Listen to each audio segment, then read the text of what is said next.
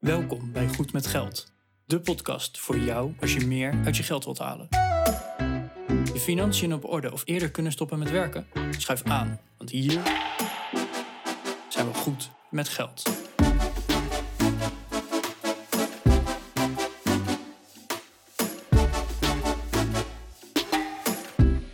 Aflevering 184 van de Goed met Geld podcast.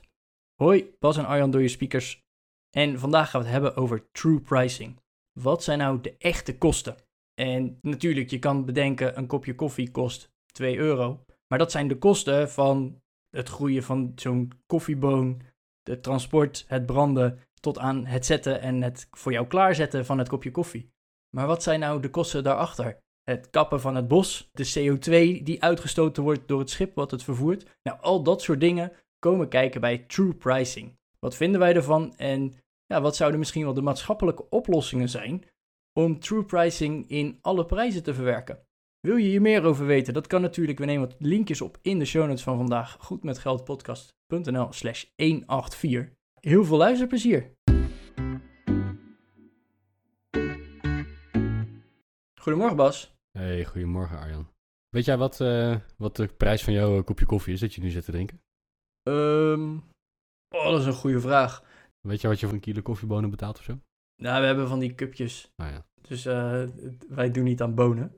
Eh, wat betaal ik? Ik geloof eh, iets meer dan 10 cent per cupje. Mhm.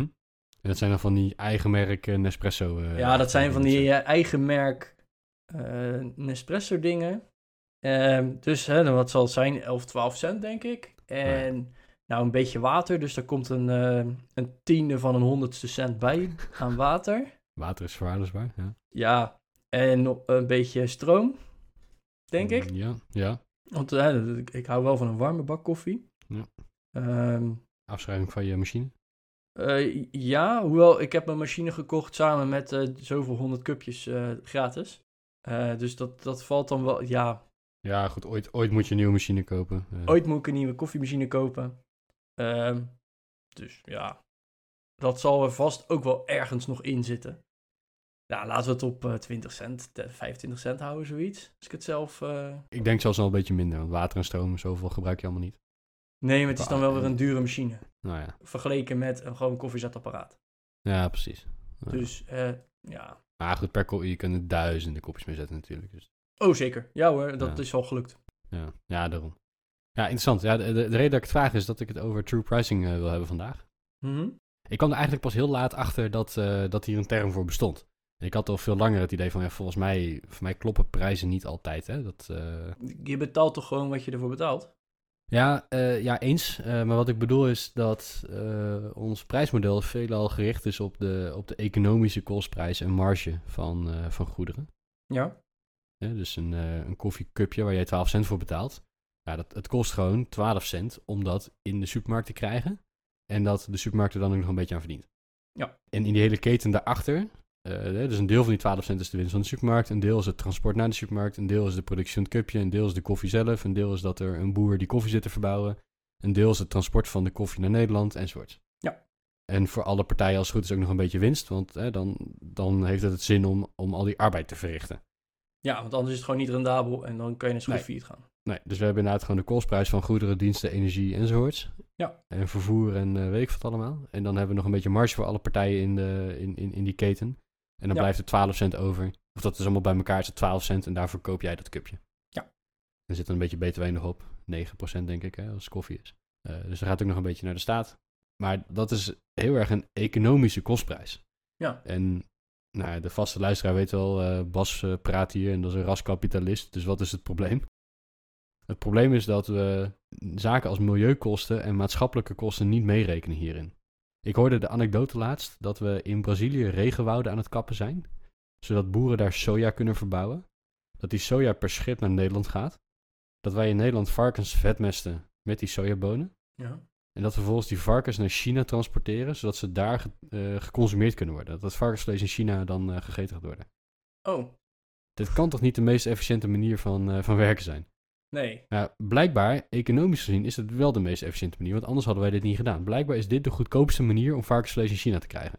Jemig. Anders hadden ze het wel op een andere manier gedaan, toch? Dat, dat is een beetje hoe de, hoe Ja, de maatschappij werkt. Het lijkt mij dat je dan veel beter soja kan verbouwen in China.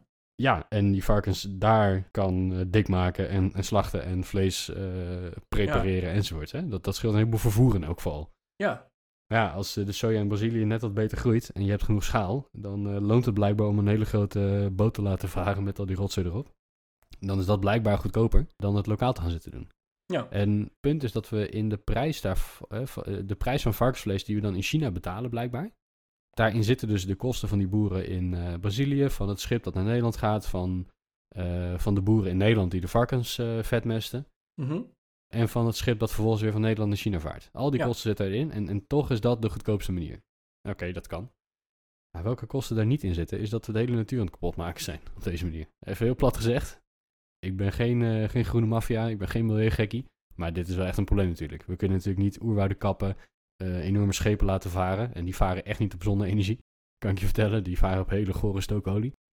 Om, eh, om, om vlees aan de andere kant van de wereld te krijgen. Dat is, dat is heel gek ja, nee, dat ben ik met je eens. die milieukosten die we daarmee maken als het ware, hè, dus de, de vervuiling en het verlies van natuur en de bomenkap enzovoorts, eh, die zitten helemaal niet in die prijs verwerkt. En, en waar true pricing over gaat, is dat we dat misschien juist wel zouden moeten doen. En dat we dan dus naar, echt naar de werkelijke kostprijs van, eh, van producten gaan, waardoor je als consument een incentive hebt om meer lokaal te consumeren. Dus in plaats van dat we vlees uit Argentinië halen, gaan we misschien Nederlands vlees consumeren. Dat is al een stuk minder milieubelastend qua vervoer. Dus daarmee misschien zou dat ook goedkoper moeten zijn. Hé, maar even voor mijn beeldvorming, die true pricing, is dat dan al... eh, want hè, je hoort natuurlijk steeds met eh, fair trade en eh, al die alliances... eh, dat de boeren ook echt gewoon heel veel te weinig voor hun koffiebonen en cacaobonen krijgen. Want cacao is er ook zo eentje. Ah, dat is dus het maatschappelijke deel van het probleem. We hebben het over de milieuaspecten gehad, van het kappen van het regenwoud en het laten varen van grote schepen. Maar Ja. Wat je nu aankaart is absoluut een onderdeel hiervan. Hè? Dat is een, een maatschappelijk probleem, is dat we met, eh, soms met dwangarbeid te maken hebben in sommige landen. Eh, soms met, eh, met mensen die zwaar onderbetaald worden. Ja, of kinderen van 12 die dan door wat kleinere vingertjes wat makkelijker de bonen eruit pulken of weet ik het Ja, wat. of een spijkerbroek kunnen maken of wat dan ook. Hè. Dat Ja. is allemaal. ik, ik, ik begrijp het allemaal vanuit het kapitalistische gedachtegoed. Dat we op die manier zo goedkoop kunnen produceren. En dat we op zulke grote schaal kunnen doen dat we daardoor de extra kosten van het vervoer terugverdienen. Maar het is natuurlijk te absurd voor woorden dat we doen. Ja, eigenlijk is het heel gek natuurlijk. Oké, ehm, nou nu je dit zo zegt, wij werken allebei en ik werk voor een baas en wij, mijn baas die huurt een heel groot kantoor, want we zijn een groot bedrijf. En in dat grote kantoor zitten nog meer andere bedrijven. Maar daardoor is het ook dus dat er een, een koffiebarretje beneden in de hal zit. En ons bedrijf die zit ook wel op de duurzaamheid. En eh, die, die hebben dus, toen we dit voorbereiden, toen dacht ik meteen aan die koffiebar bij ons. Mhm. Want je kan vrijwillig bij ons meer betalen voor je kop koffie. Oké. En wat die kop koffie precies kost, eh, eigenlijk geen idee. Ik geloof 2 euro, 2 euro nog iets. En dat is dan echt een, een barista die daar zijn kunsten staat te vertonen, of haar Mhm. kunsten staat te vertonen. Maar daar kon je dus een true price bedrag bovenop doen. En ze Ja. hebben dus inderdaad eens berekend, want dat vind ik dus het lastige. Ze hebben dus berekend wat er bovenop zou moeten komen. Aan CO2-uitstoot, aan uitbuiting, aan nou, noem maar op. Hè, dat hele, hele plaatje. Nou zal het al fair trade zijn, dus waarschijnlijk is het alleen het, het milieuaspect en niet zozeer de, eh, de onderbetalingsaspecten en de, de maatschappelijke aspecten erbij. En ja, ik, ik had er niet zoveel mee. Ik ga ook nooit naar die koffiebar, want ik vind het niet per se nodig. Nee. Maar ze, ze hadden dus berekend van, hé, hey, wat, wat is nou de impact daarvan? En eh, nou, dat vond ik wel interessant. Een- een- De extra prijs, hè, wat je eigenlijk bovenop de kop koffie zou moeten betalen om de CO2 ergens te kunnen compenseren, of hè, de, de, de milieubelasting en noem maar op. Op een kop koffie is dat 23 cent. Zo, oké. En eigenlijk, even, dat, dat is misschien te simpel gedacht, maar is het dan niet gewoon zo dat elke kop koffie 23 cent duurder zou moeten zijn om alle CO2-uitstoot en, en eh, ruwe stookolie die eraan kapot gaat eh, te compenseren? Zou dus niet elke kop koffie die wij drinken dagelijks gewoon 23 cent duurder moeten zijn om dat te compenseren? Hè? Dat, dat is dan mijn gedachte, want ik geloof niet dat het dan verschil maakt aan CO2-uitstoot voor een kop koffie. Of ik dat nou bij onze kantoor haal of hier thuis drink. Nee, dat zal ook niet zoveel uitmaken. Hè. De, de koffiebonen aan zich die gebruikt worden, die zullen vergelijkbare impact hebben, verwacht ik dan. Ja, ze worden allebei niet in Nederland gegroeid. Nee, dat is verschil nog dat jij zo'n aluminium cupje hebt dat natuurlijk gemaakt moet worden. Dus dat is misschien ietsjes lastiger dan als je losse koffiebonen koopt in een uh, kilozak bijvoorbeeld. Ja, nou stiekem heb ik een plastic cupje, dus hij kan niet echt niet gerecycled worden. Het is echt heel slecht. Ja, dat is eigenlijk wel, uh, ja.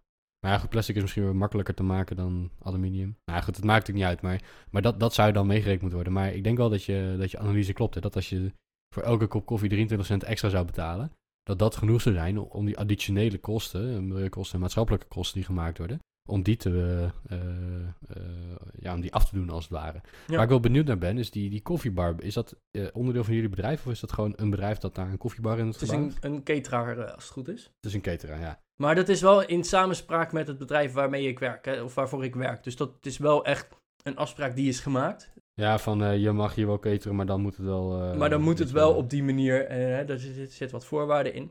Nice. Maar om nog even door te gaan, een cappuccino, dus zo'n zo'n uh, opgeklopte melk erbij noem maar op.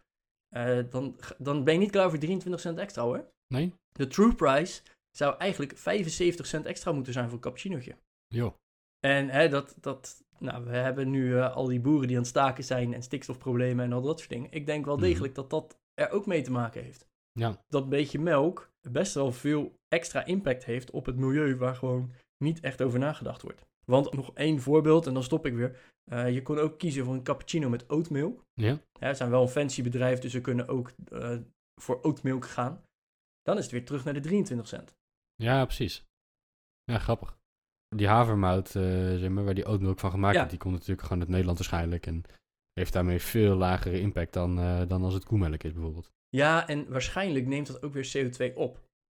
Hè, want als je de balans op gaat maken, dan wordt dat ook weer opgenomen door de natuur en weet ik het allemaal. Dus dat, dat zal een beetje tegen elkaar weg te strepen zijn. Maar ik vond het wel dat ik dacht, ja, uh, eigenlijk, dus als ik er nu zo over nadenk, 23 cent voor een kop koffie, die zou dus eigenlijk op elk kopje koffie extra gerekend moeten worden. En dan hebben we het nog niet eens over de cupjes die we gebruiken, die eigenlijk ook nog eens extra zouden moeten kosten. Mm -hmm. Vond ik wel een, uh, een dingetje. Ja. Waar ik dan nog benieuwd naar ben, is wat gebeurt er met die 23 cent? Hè? Want jij, dat is een externe cateraar. Wat, wat ja. doen die met die 23 als jij, ja, als jij vrijwillig zegt, oké, okay, ik betaal wel 2,23 in plaats van 2 euro. Wat doen ze ja. met die 23 cent? Nou, sowieso inderdaad, het, het is een keuze. Hè? Je mag kiezen, wil ik het extra betalen, ja of nee? En wat ze ermee deden, is dat ze het naar een organisatie, en ik durf eigenlijk niet eens te zeggen hoe die organisatie nu heet, maar het werd naar een, een stichting, organisatie overgemaakt, die daarmee weer bomen beschermt, CO2 compenseert, uh, al dat soort dingen. Dus de, het wordt echt apart gehouden en naar een organisatie gestuurd die daar weer mee aan de slag kan om het te compenseren. Hmm. Oké. Ja, ik denk dat dat natuurlijk ook wel is wat, wat true pricing uiteindelijk is. Hè? Want je zegt van oké, we gaan dan uh, uh, al die extra kosten doorberekenen aan de consument in, in producten. Dus dat betekent dat producten duurder gaan worden, omdat we milieuaspecten mee gaan nemen. dat is natuurlijk slecht voor de consument. Tenminste, op de korte termijn. Op, op de mm-hmm. lange termijn is het beter. Hè? Want uh, als kapitalist zeg ik, er zijn ook bedrijven in de markt die gewoon geld moeten verdienen. Dat is het ja. doel. En de markt doet zijn werk. Want als wij ons werk niet goed doen, dan zijn we of qua kwaliteit te laag, waardoor mensen naar de concurrent gaan. Of we zijn te duur, waardoor mensen naar de concurrent gaan. Dus er is altijd een druk om te blijven innoveren. En daarmee doet de markt zijn werk. Ja. En werkt de markteconomie, zeg ik als kapitalist. Maar we kunnen geen geld verdienen aan een kapotte aarde. Nu nog wel, maar er komt een punt dat dat niet meer kan. Dus die kosten die moeten we gaan doorberekenen. Liever nu dan over tien jaar. En met dat geld, want dat is natuurlijk wel een dingetje. Met dat geld moeten we wel goede dingen gaan doen. Het kan natuurlijk niet zo zijn dat jij uh, 20 cent extra voor een kopje koffie gaat zitten betalen. En dat het bedrijf zegt, oké, okay, dankjewel. Ja, top. Thanks. Dan schieten we er nog niks meer op. Nee. En dan, dan zitten we vooral de bottom line van de, van de retailer of van de cateraar te spekken. Of dat nou de, de supermarkt is of, of zo'n cateraar, dat maakt er niet uit. Uh, het, het, gaat er natuurlijk wel om dat dat geld uh, juist gebruikt gaat worden om de issues die we veroorzaken, de, de niet-economische problemen, maar de, de maatschappelijke of, of milieutechnische problemen, dat we die gaan oplossen. Dus dat we inderdaad of de CO2-uitstoot compenseren, of dat we de boeren die de koffiebonen verbouwen meer gaan betalen. Noem maar op, hè. Dat, dat, dat soort zaken die zijn natuurlijk wel nodig. Of misschien dat we geld in een uh, innovatiefonds stoppen, waarmee innovatie wordt gestimuleerd, waardoor we uiteindelijk op een betere manier kunnen produceren of kunnen consumeren. Ja, maar wat ik dan wel een beetje moeilijk vind, even serieus Bas, hoe lang bestaan die merken al als uh, Max Havelaar en uh, Fairtrade en al dat soort certificeringen, merken, noem maar op. Mm -hmm. Die dus eerlijke cacao, eerlijke koffie en, en dat soort dingen. En dan heb ik het nog niet eens over het CO2-aspect. Gewoon simpelweg geen slavenarbeid, zo ongeveer. Ja, ja. Hoe lang bestaan die merken al en hoe uniek is het eigenlijk nog steeds? Eh, Want laten we eerlijk zijn, nog steeds weet je vrij zeker, en dat klinkt heel lullig, maar je weet vrij zeker dat er nog steeds koffie geproduceerd wordt waar koffieboeren te weinig voor krijgen. ja, zeker. En met cacao precies hetzelfde. En dat ik denk, er zijn al zo lang, want weet ik het, sinds ik klein ben, weet ik al, de wereldwinkel, die is er en die heeft fair trade en eerlijke prijzen producten. Mhm. En toch, misschien is dat wel echt een flaw in het, het kapitalistische systeem. Van, hé, hey, we willen meer verkopen, het moet goedkoper, dus hè, dan maar ten koste van. Ja, maar dat, dat klopt. De consument wil geen eerlijke koffie. De consument wil goedkope koffie. Ja, Of lekkere koffie en dan daarvoor betalen. Maar, maar niet voor... Je wil of goedkope koffie of goede koffie waarvoor je voor de kwaliteit betaalt. Maar je wil niet betalen voor dat de boer extra betaald zou moeten worden. Terwijl dat natuurlijk echt, dat is onzin. Dat is natuurlijk heel gek dat dat gebeurt. En ik denk dat true pricing uiteindelijk zorgt dat het gaat werken. Als we deze kosten gaan doorberekenen in de kostprijs van alle alternatieven. Hè, dan dat, dat de Max Havelaar koffie, die is nu duurder dan vergelijkbare koffie. Ja, waarom? Omdat zij hun boeren goed betalen. ja, Dus dat kan niet anders. Maar ja, als we die kostprijs gaan doorberekenen, ook voor de alternatieven, dan maakt het ineens niet zoveel meer uit. En dan zal de consument, die hoeft dan niet meer de keuze te maken. Want die wordt voor de consument gemaakt. En met dat geld moeten we dan eh, goede dingen gaan doen. Zoals de boeren betalen, zoals de CO2 uit compenseren enzovoorts. wat meteen te binnen schiet is met de auto-industrie. De grote jongens eronder, de, de Volkswagens en, eh, en die merken. Hmm. Eh, die kopen dus weer van Tesla CO2-certificering of zo. Of zo. Ik, ik weet niet precies hoe het systeem werkt. Maar omdat zij vervuilende auto's produceren, moeten zij weer bepaalde rechten kopen, zodat ze weer groen gemaakt worden, laat maar zeggen. Ja, greenwashing. Ja, de, de echte greenwashing. Hè? Eh, Terwijl Tesla die heeft technisch gezien nul CO2-uitstoot vanuit de auto. Mhm. Hè? Want die elektriciteit moet ergens opgewekt worden. Maar is daardoor op papier in ieder geval een stuk groener. En dat kunnen ze weer verkopen. Dus eigenlijk zit bij een Volkswagen of welke autoboer dan ook, BMW, Mercedes, zullen ze allemaal even noemen. Mhm. Zit dus al een, een stukje waarschijnlijk in de prijs, omdat ze anders het niet eens kunnen produceren. Ja, dat klopt. Omdat ze dan weer boetes krijgen en noem maar op. Ja, dat klopt. Dus daar is het dus eigenlijk wel al semi doorgevoerd. Hè? Dan heb je nog niet per se true pricing, want we hebben het nog niet over de mijnen voor accu's en al dat soort gekkigheid. Nee. Maar het is in ieder geval een begin. Nou, ja, en het staal dat geproduceerd wordt voor in die auto's. En, ja, nee, dat, dat klopt. Het is, het is een begin. En dit zijn, eh, dit zijn inderdaad voorbeelden waarin je zegt van ja, dat zou, dat zou helpen om richting die troepprijs te komen. En dan zie je dus inderdaad van ja, je moet dus als consument op een gegeven moment meer gaan betalen voor een benzineauto dan voor een elektrische auto. Waarom? Ja, die fabrikant die moet eh, hele dure certificaten kopen om nog zo'n benzineauto te mogen produceren. Ja. En dat is, dat is prima, maar dan moet je er wel voor betalen als consument. En als we van dat geld weer onderzoek en ontwikkeling van eh, betere en schonere elektrische techniek kunnen financieren, ja, dan zijn we daarmee goed bezig, denk ik. Ja, maar daar ben ik dan wel benieuwd naar, want eigenlijk, het is alleen maar goed voor de aandeelhouders van Tesla. Ja, op dit moment wel natuurlijk. Dat geld komt bij Tesla terecht. Dus de grap is, eigenlijk zouden we hier eh constant, en misschien gebeurt dat ook wel hoor, maar zouden we constant de maximale hoeveelheid van die certificaten elk jaar omlaag moeten brengen. De, gehele industrie mag elk jaar een beetje minder. In de, eh, in de auto-industrie gebeurt dat zelfs volgens mij al, want het Ja. is nu al een regel en dat wordt steeds strenger. Ja. Het is niet voor niks dat al die autoboeren allemaal elektrische auto's nu aan het ontwikkelen zijn.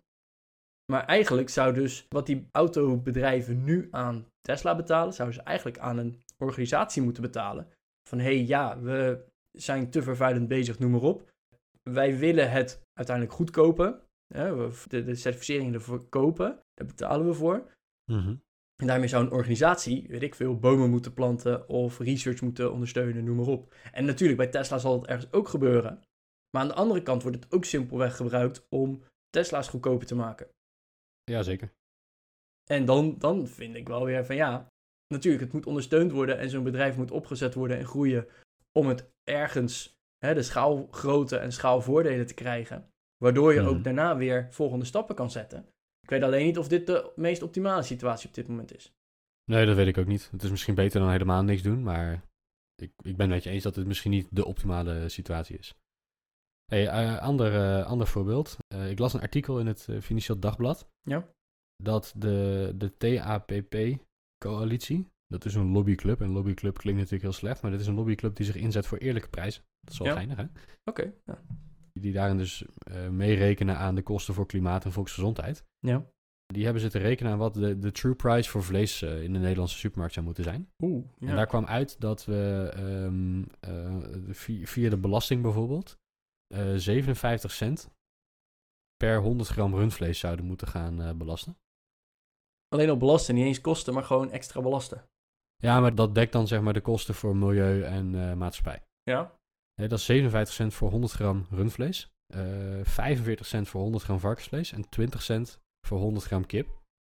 En wat zij zagen is dat als je even vergelijkbaar, hè, dus je hebt van die vleesvervangers, je hebt eh, Ja, een groot fan ben ik er eigenlijk van. Ze zijn echt tegenwoordig heel erg lekker eh, en, en gewoon Ja. prima. Je hebt eh, de vegetarische slager, je hebt Beyond Meat, je hebt, er zijn er een aantal. Hè? Ja, maar ook gewoon de, de huismerkproducten zijn echt, Ja. vergeleken met tien jaar terug, is het een hele grote eh, omslag. Die worden steeds beter.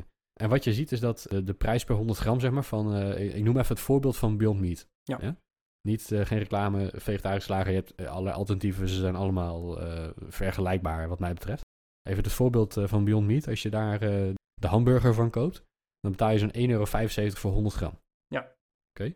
Als je gewoon een normale rundvleesburger koopt, dan betaal je 1,09 euro per 100 gram. Dat is fors minder. Ja. Dat is echt een heel groot prijsverschil.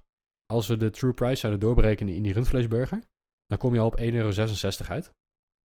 En dan zit je natuurlijk al heel dichtbij de prijs van zo'n eh, Beyond Meat burger. Ja. En dan is 1,66 of 1,75 maakt dan niet zo heel gek veel meer uit. Dan denk ik dat voor veel mensen de overstap, want dat is natuurlijk het probleem, hè? Dat de overstap dan steeds makkelijker gaat zijn om naar alternatieven, duurzamere alternatieven over te stappen. Ja. En dan ga je zien dat er daarna schaalvoordelen gaan optreden. Want dat is natuurlijk ook nog een probleem. Hè? Er worden natuurlijk maar relatief weinig eh, vleesvervangers gemaakt op het moment. Ja, de, de 1 meter vleesvervangers tegen 20 meter normaal vlees in de supermarkt. Ja, maar die industrie is ook nog helemaal niet zo heel volwassen. Hè? Dus dan Nee. zie je dat ze zelfs nu al met een, eh, met een vrij lage eh, productiegraad en, en daarmee waarschijnlijk ook dus een, een lagere efficiëntie, dat ze dan al bijna op dezelfde prijs zitten. Moet je nagaan als ze dan een stuk groter gaan worden. Ja. En echt veel meer richting die, ehm, ja, qua, qua volume zeg maar, richting de normale vleesindustrie gaan. Ja, kun je nagaan. Snap je? Dus, dus ik denk als we, als we dat in het achterhoofd houden, dat we dan best wel een aardige stap moeten kunnen maken. En, en daarbovenop zou je nog allerlei initiatieven kunnen ontplooien natuurlijk om te zeggen van nou, voor groente en fruit gaan we geen BTW meer heffen. En misschien voor vleesvervangers ook niet. En op die manier kunnen we zelfs de, de, de prijs voor de consument van de vleesvervanger nog wat eh, omlaag brengen. En dan zie je dat ze nu eigenlijk al op het omslagpunt zitten. Ja, ja kan je nagaan. En hè, da- daarbij is het ook gewoon nog eens veel beter voor het milieu en, en al dat eromheen. Ja, maar dat is dus het hele punt. Die, die, Ja. die, die milieukosten, die wil je doorrekenen in je, in je producten. En als je dat niet doet, dan is een rundvleesburger dus heel goedkoop. Als je dat wel doet, dan blijkt dat die rundvleesburger eigenlijk net zo duur is als een eh, vegetarisch alternatief. Ja. hey, hoe zie jij dat, eh, dat voor je? Want jij hebt er iets meer over nagedacht dan ik, eh, deze aflevering. Hoe zie jij het voor je dat we true pricing het beste kunnen implementeren in, in de maatschappij? Ja, ik ben bang dat het heel moeilijk gaat zijn. En ik denk helaas dat we dat alleen maar kunnen doen met overheidsingrijpen. En daar ben ik eigenlijk niet zo'n groot voorstander van. Nee. Maar ik denk niet dat er een alternatief is. Hetzelfde geldt voor eh, CO2-tax en dat soort zaken. We moeten het allemaal doen. Hè? Want als Albert Heijn dit gaat doen, dan lacht Jumbo zich rot, want die gaan nog veel meer verkopen. Want die zeggen, dan doen wij het lekker niet. En dan Ja, hebben wij, wij zijn goedkoper en dan... eh, Komt iedereen bij de Jumbo. Dus dan hebben we eigenlijk niks bereikt. En andersom ook, hè? Dus, dus Ja. ik denk dat we, we moeten het met z'n allen doen of niet. Nou, en dan gaat Nederland het doen en dan gaat iedereen in de grensstreek gewoon lekker naar België en Duitsland rijden. Dat doen ze nu ook al voor de benzine en de sigaretten. Dus op hoe grotere schaal we dit kunnen doen, hoe beter het zal zijn. En misschien moeten we dat wel op Europees niveau regelen. Ik denk dat er best binnen Europa organen zijn die het mandaat hebben om dit te kunnen doen. ja. Alleen dan moet er gestemd worden en dan zijn er partijen die aan het lobbyen zijn. En dat is, dat is natuurlijk wel een issue. Nou, en ik, ik, ik zit nog even te denken, hè, want we hebben het hier zo over. Ik denk dat sommige bedrijven die dit op vrijwillige basis doen, want die zijn er dus ook. Hè, eh, ik begin al met de koffiebar die, die gewoon zegt, je kan ook de true pricing betalen. En dat, dat Mhm. extra geld maken wij over naar een organisatie die daar goede dingen mee doet. Misschien zou een overheid in dit geval al moeten zeggen van, hé, hey, als jij zo'n organisatie bent, en dan natuurlijk, er moet een goede regelgeving en controle op zijn. Maar als jij zo'n Mhm. organisatie bent, krijg jij extra subsidie of krijg jij belastingvoordelen, zodat jij makkelijker die taak uit kan voeren. Mhm. Daarbij denk ik ook wel dat de maatschappij wel een beetje aan het veranderen is. Kijk maar naar een merk als Tony Chocolonely. Ja. Die willen echt gewoon eerlijke chocola op de markt brengen. En ja, die Dat is, echt duurder. ja. Laten we eerlijk zijn. Hè? Het is Mhm. niet zo goedkoop als het goedkope reepje bukmerk. Hm. Maar het wordt wel verkocht. En Mhm. daar maken ze een hele beleving omheen. Hè? Laten we eerlijk zijn, het is niet alleen gewoon een reep chocola. Nee, het is ook uitdragen waar je voor staat. Het is uitdragen welke struggles je hebt. Hè? Want hoe vaak ik dat merk wel niet heb gezien in het nieuws, wat ze nu weer voor, voor problemen hadden of hè, noem maar op. Eh, samenwerkingen doen met andere bedrijven die ook wel iets willen doen, maar eigenlijk niet zo goed weten hoe. Mhm. Dat zijn allemaal van die, van die kleine dingen en kleine stapjes om wel de maatschappij net iets bewuster te maken. En dan denk ik wel van ja, dat, dat zijn wel de eerste stappen de goede kant op. Kijk maar naar Max Havelaar, hoe lang bestaat dat al wel niet? Mhm. En er zijn echt mensen die alleen maar koffie kopen in de wereldwinkel. Simpelweg omdat de boeren dan een eerlijke prijs krijgen. Ja. En ik denk dat dat dus ook de eerste stappen zijn die je zou moeten zetten, zodat je in ieder geval een netwerk opzet. En nou, wat ik zeg, laten we het bedrijven die dus echt met certificeringen of, of hè, en aantoonbaar kunnen maken van hé, hey, wij proberen true pricing door te voeren. Laten we het die misschien wel ergens wat makkelijker maken. Zij het in vergunningen van hé, hey, we willen een chocoladefabriek bouwen. eh, en we doen alles echt met true pricing. Ja, misschien moet je dan wel iets soepeler kijken naar zo'n vergunningsaanvraag. Ook al wordt er gezegd, nee, we gaan geen nieuwe fabriek bouwen. Ik noem maar even wat. Of dat je Mhm. daar belastingvoordelen of er zijn genoeg stimuleringsmiddelen. Ja, misschien moet je die daar iets meer voor inzetten. En dan hoef je dus niet eens te verplichten dat iedereen het doet. Maar daardoor maak je het wel eh, maatschappelijk meer geaccepteerd, wat aantrekkelijker. En omdat zo'n netwerk dan zich op kan bouwen, krijg je uiteindelijk ook die schaalvoordelen waar we het er net al over hadden met vleesvervangers. Ja, dat denk ik ook. En ehm, waar we dan tegenaan gaan lopen, is dat de consument natuurlijk gaat roepen van ja, maar dan wordt, eh, wordt alles duurder in de supermarkt. Ja, ja, dat klopt. Maar misschien is dat wel goed. En, en dat, dat komt uiteindelijk weer terug op een andere manier, namelijk gewoon in een betere kwaliteit van leven. En dat is natuurlijk heel moeilijk, dat is best wel abstract, denk ik. Dan leg je de werkelijke kosten wel bij het, bij het verbruik neer en niet bij eh, de volgende generatie. Ja. Of we zien het later wel. Ik denk dat dat wel iets is waar we beter eerder dan later mee kunnen beginnen. Dat is het lastige, want eh, kijk maar naar de pensioenen. Dat is nog ver weg. Dat, dat kunnen we onszelf niet eens inbeelden. eh, dat we goed voor ons eigen pensioen moeten zorgen. Laat staan dat we het moeten hebben over de wereld die over 200 jaar nog steeds oké moet zijn. Ja. Dus het is te ver van ons bedshow. En mm, ja, we weten dat het niet helemaal oké is en toch doen we het, want het is te ver Mhm. van ons bed. En ik denk dat je, als je dan zo'n netwerk aan het stimuleren bent en aan het opbouwen, dat je inderdaad probeert, laten we het op een andere manier doen, laten we het op een maatschappelijk betere manier doen, laten we het, hè, die, die true pricing toepassen. Ik denk door dat te stimuleren en dat je daar dan de schaalvoordelen uit kan halen, dat dat in ieder geval wel de, de volgende stappen zouden kunnen of moeten zijn. Mhm. En dat mensen dan vrijwillig ook makkelijker over gaan stappen. Ja, wie, ja, wie weet. Ik denk dat dat, een, eh, dat, dat hem is, hè? Ja, ik ben eigenlijk wel eh, nog, nog eh, benieuwd wat onze luisteraar hierover te vertellen heeft. Ja. Want hè, wij hebben genoeg verhalen en wij kunnen nog wel blijven prediken van nee, betaal er meer voor, ga naar de wereldwinkel, ga minder CO2 uitstoten of do- hè, ga het compenseren, weet ik het wat. Maar misschien zegt onze luisteraar wel van hey, heb je daar eens over nagedacht? Ik doe het op die manier. Ja, ik ben eigenlijk benieuwd. Dat kan natuurlijk via ons contactformulier, goedmetgeldpodcast.nl slash contact. Eh, mag ook onder de show notes van vandaag. Laat gerust even reactie achter van ja, eh, hebben jullie daar al eens naar gekeken? En ja, ik, ik ben dus echt oprecht benieuwd, want ik denk dat dit wel een, eh, een topic is wat de komende jaren blijft spelen. En dat het ook steeds groter wordt. Dat denk ik ook. En ehm, nou ja, tot volgende week. Tot volgende week.